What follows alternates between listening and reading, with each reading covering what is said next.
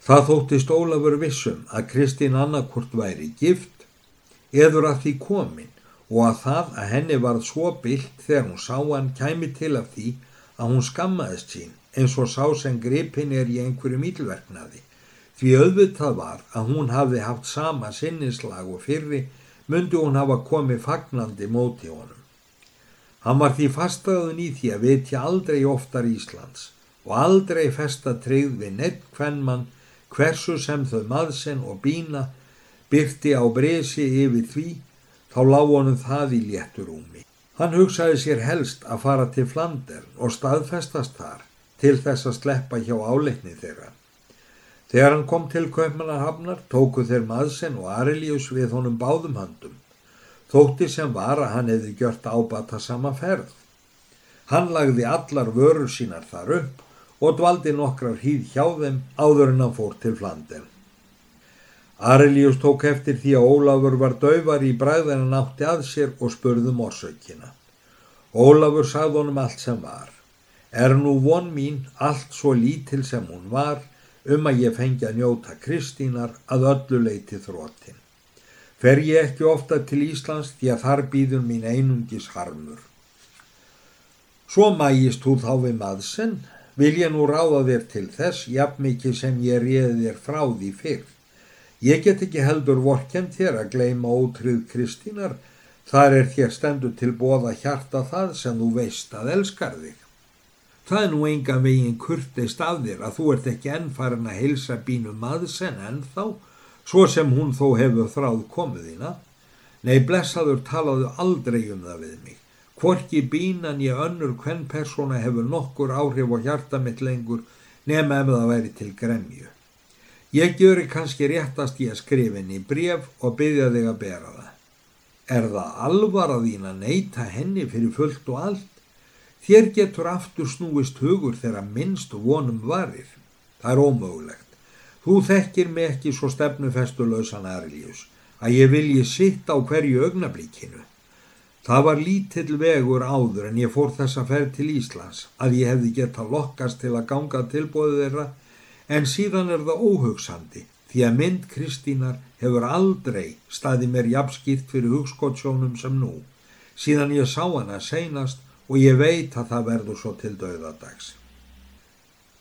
Ég hlýt að trúa því sem þú segir og því fer fjærri að ég hafi orsök til að bregða þér um stefnufestuleysi en ég vildi vera fullvissu meiningu þína áður ég bæri upp fyrir þér það sem ég likur á hjarta. Já þess vegna er þér þó hægt að ég skipt ekki meiningu minni hér að lútandi. Þá vil ég hafa þig að trúnaða manni og segja þér að ég er ástfangin að bínu maðsinn og var það strax þegar ég sá hana. Því einmitt þegar þú sagði mér frá samtalið þínu og þeirra feðgina þá ætlaði ég mér að segja þessa hugsun mína og byggja þig liðsinnis enda get ég þess til að mér hafi bröðið við söguðína. Það sá ég að sönnu en ekki grunaði mig orsökina og er hér gott í efni. Nú skal ég bera fram bæn þína og það munlega en ekki breflega. En segðu mér, hefur þú aldrei komið orðum að því við hana? Það hugsa ég ekki, Ólafur, að þú álitir mig þann mann að ég hefði minnsta máta látið þá tilfinningu mín í ljósi meðan ég ekki vissi annað en að hún væri heit með þín. Það var ekki heldur meining mín að ég fengja digð og trúmennsku þína, en látum okkur ekki tala meir um það, nú skal ég fara til þeirra og leggja allt kappa á að máli þínu verði framgengt, því að það er mér gleði að geta orðið þér að liði. Eftir það gekk Ólafur til maðsens og varð bína mikið fegin komu hans. Þér hafið ekki tilefni til að gleyðiður yfir komu minni hvað mína persónu áhærir jónfrú góð. Þér vitið sjálfa ekkert heitorð var bundið okkar á milli og er ekki enn og er ég komin hér til að látiður vita að það getur aldrei orðið.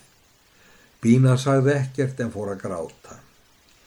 En erindi mínu er þar með ekki lokið viðiður. Ég flyttiður bónor frá manni sem er mér að öllu leiti mikið fremri og yður því meiri sendað honum en þó að þeir fengjuð mig. Þér þekkið það víst. Hann er einna skrifstofu föðuríðar og heitir Arelíus. Tárin fóru heldur að þorna á jónfrúni og þegar hún heyrði nafni Arelíus brostún. Ég get ekki sagt að ég þekki hann, því að hafið að vilja til að ég erði á vegi fyrir honum, vek hann sér undan, svo ég á mikið bátt með að trúa því að honum sé í hug það sem þér segið. Þér mun óhætt trúa orðum mínum, því að það að Arlius hefur forðast fundiðar kemur til að drengskap hans, því honum leik grunur á að þér væru festarkona mín. Honum er mikill hugur á að þetta geti haft framgang og mæli ég örugur með því. Þar eða ég þekki hann svo að ég þór að segja að yður verður tröðla betra gjafors auðið. Ég vil eiga Arljus, saði Bína svo látt að Ólafur aðeins heyrði það. Svo megið er vænta þess að hann heimsækiður í kvöld. Getur hann þá sjálfur tala við yður herra maðsinn og ég verð heima. Ólafur gekk eftir það heim og saði Arljus ég hvað komið var varð hann gladur við, leitaði síðan eftir við stórkaupmannin og var þar engin fyrirstaða. Skildi Arilíus gjörast félagsmaður hans við verslunina.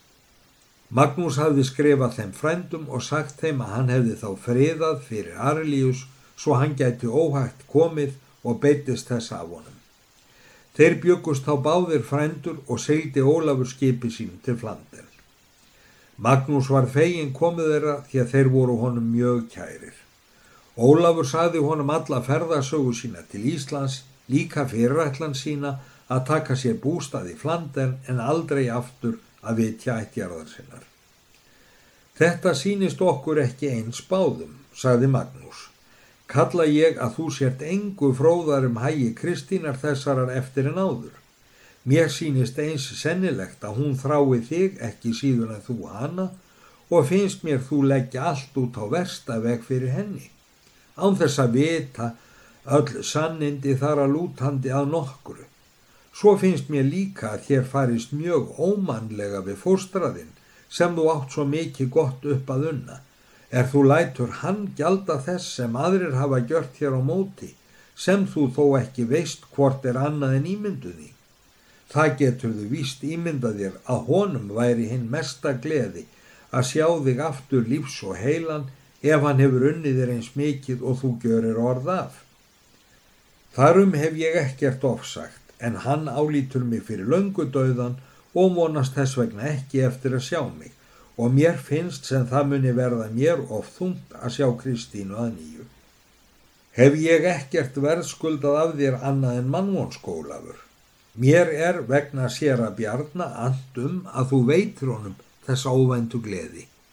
Þú vilt eftir vil segja að ég gör það sjálfsmýns vegna, þar eða ég sé samfærður um að hann sé sonur minn, en ég er nærrið því en samfærður um að hann er fadir þinn og, og sjá þú þá hversu blíðung skilda kvílir á þér við hann. Og víst er það að hann hefur gengið þér í góðs föður stað og breytt föðurlega við þig, en ég sé að þú vilt helst launa velgjörðir með fúlu vanþaklæti en viljur þið ekki vera sannur að því þá skora ég á þig að fara til Íslands næsta ár og reka erindi þitt með meiri röggsemi og dugnaði enn í sömar er leið. Magnús var nú orðin svo alvarlegur að aldrei hafði Ólafur séð annað eins. Hann svaraði, hér er ekki verðt að tala fleira um. Að mér heilum og lifandi fer ég til Íslands og skal verða fullkomlega vísum hægi Kristínar og gugna ekki minnstamáta hvernig sem ástatt er og verði fóstri minn á lífi skal ekki fara fyrir en hann veit allt um hægi mína og ekki skil ég í því að ég þyrfti að heyra þessi besku sannindi af þér til þess að gæta skilduminnar og fá það hugrekki sem ég finn mig hafa. Þetta svarþitt þykir mér betur hæfa röskum manni en það sem þú gafst áðan en þú hefur fleira að gjöra á Ísland en þetta sem þú nefndir. Það er að láta taka rannsókn í því hvers vegna Vikfús lagði fér til höfuð sér. Því að þú gjörðir mannfélaginu gagn með því ef þess konar ílgresi er þið upprætt af akrinum.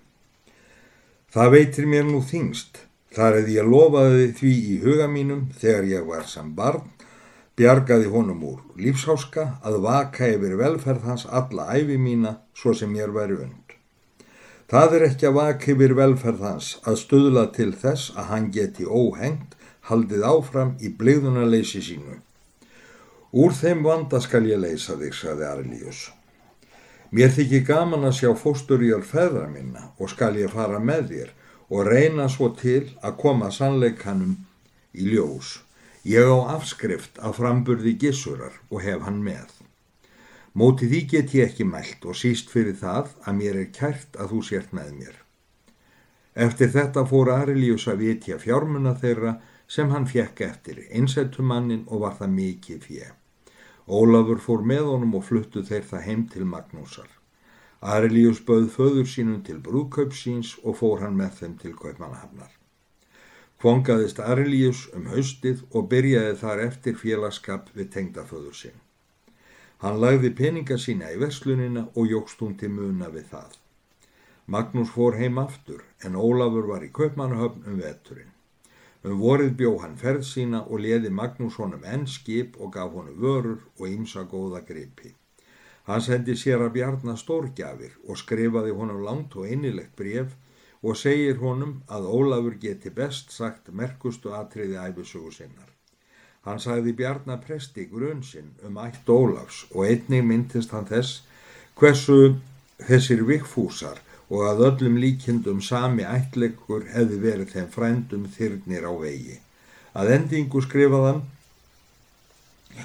Þó að okkur, sonu minn, svo vona ég enn að kalla þig, hafi ekki auðnast að njóta samvista hér í lífi, þegar forlaugin hafa verið svo óblíð að sundra því sem náttúran sínist þó ljóslega benda til að samanskildi vera, nefnilega foreldri og barni, Þá hugum okkur hvori sínu lægi við það að við fáum síðar að vera án aðskilnaða saman þar sem engin rekvísi megnar að brjóta vina sambúðina.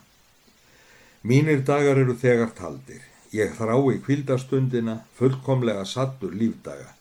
Ég hef lifað þá gleðistund að sá börnin okkar begja lukkuleg því að ég lifi alltaf í vonum að úr rætist fyrir Ólafi þegar hann kemur aftur til Íslands og þó svo fari að hann ekki nái því sem hann þráir mest, vona ég að það ekki standi fyrir gæfans, þú sérð á þessu brefi að ég hef ekki glemt móðurmáli mínum. Trúarbröð mín hef ég leitast við að geima óblönduð og ég held að það hefði lukkast mér að miklu leiti. Og yfir höfuð vonast ég eftir að þú ekki þyrtir að skammast þín fyrir framferði föðurðins þó að þú þekktir það allt. Líði þér ætið vel elskulegi sonur, hann sem hefur leitt okkur í gegnum lífið, hann gefi okkur að því enduðu, sæla samfundi og indæla sambúð þess óskar fadirðinn Magnús Bjarnason. Þegar Ólafu var búin til ferðar fyldi Magnússon til skips og kvöldust þeir þar mjög ástúðlega. Hér munum við sjást í síðasta sinn Ólafur. Mér er grunur á að ég ekki lifi þennan vetur til enda en þú munt staðnæmast á Íslandi. En ég hef marga ánægju stund haft af þér síðan við komum saman, þú hefur verið sem engil á vegi mínum og farðu nú heill og farðu vel. Eftir þetta syldi Ólafur til Kaupmannahafnar og bjóst Arlius að fara með honum snemma sömast til sömu hafnar sem hið fyrra sömarið. Hún lág skamt frá þeim bæjum sem hér hefur verið getið um hóli og hofi. Tveim dögum áður en Ólafur kom var Vikfús og Halastadur úti. Hann sá hvar maður kom gangandi og síndist honum eftir búningnum að dæma að þeir var þurfa maður en honum var aldrei mikið gefið en um þess áttar gesti og hafði því á reyðum höndum hrakirði. Og hver sendi þig hingað betli sníkinn þinn? Ég siga í þig hundunum eða þú kemur. Irr, bítan, ríðan, irr. Hægan kæri. Þetta er ekki vel tekið á móti gömlum og góðum vinum, saði komumadur, og það þegar þeir eru ítla á sig komnir eins og ég er núna.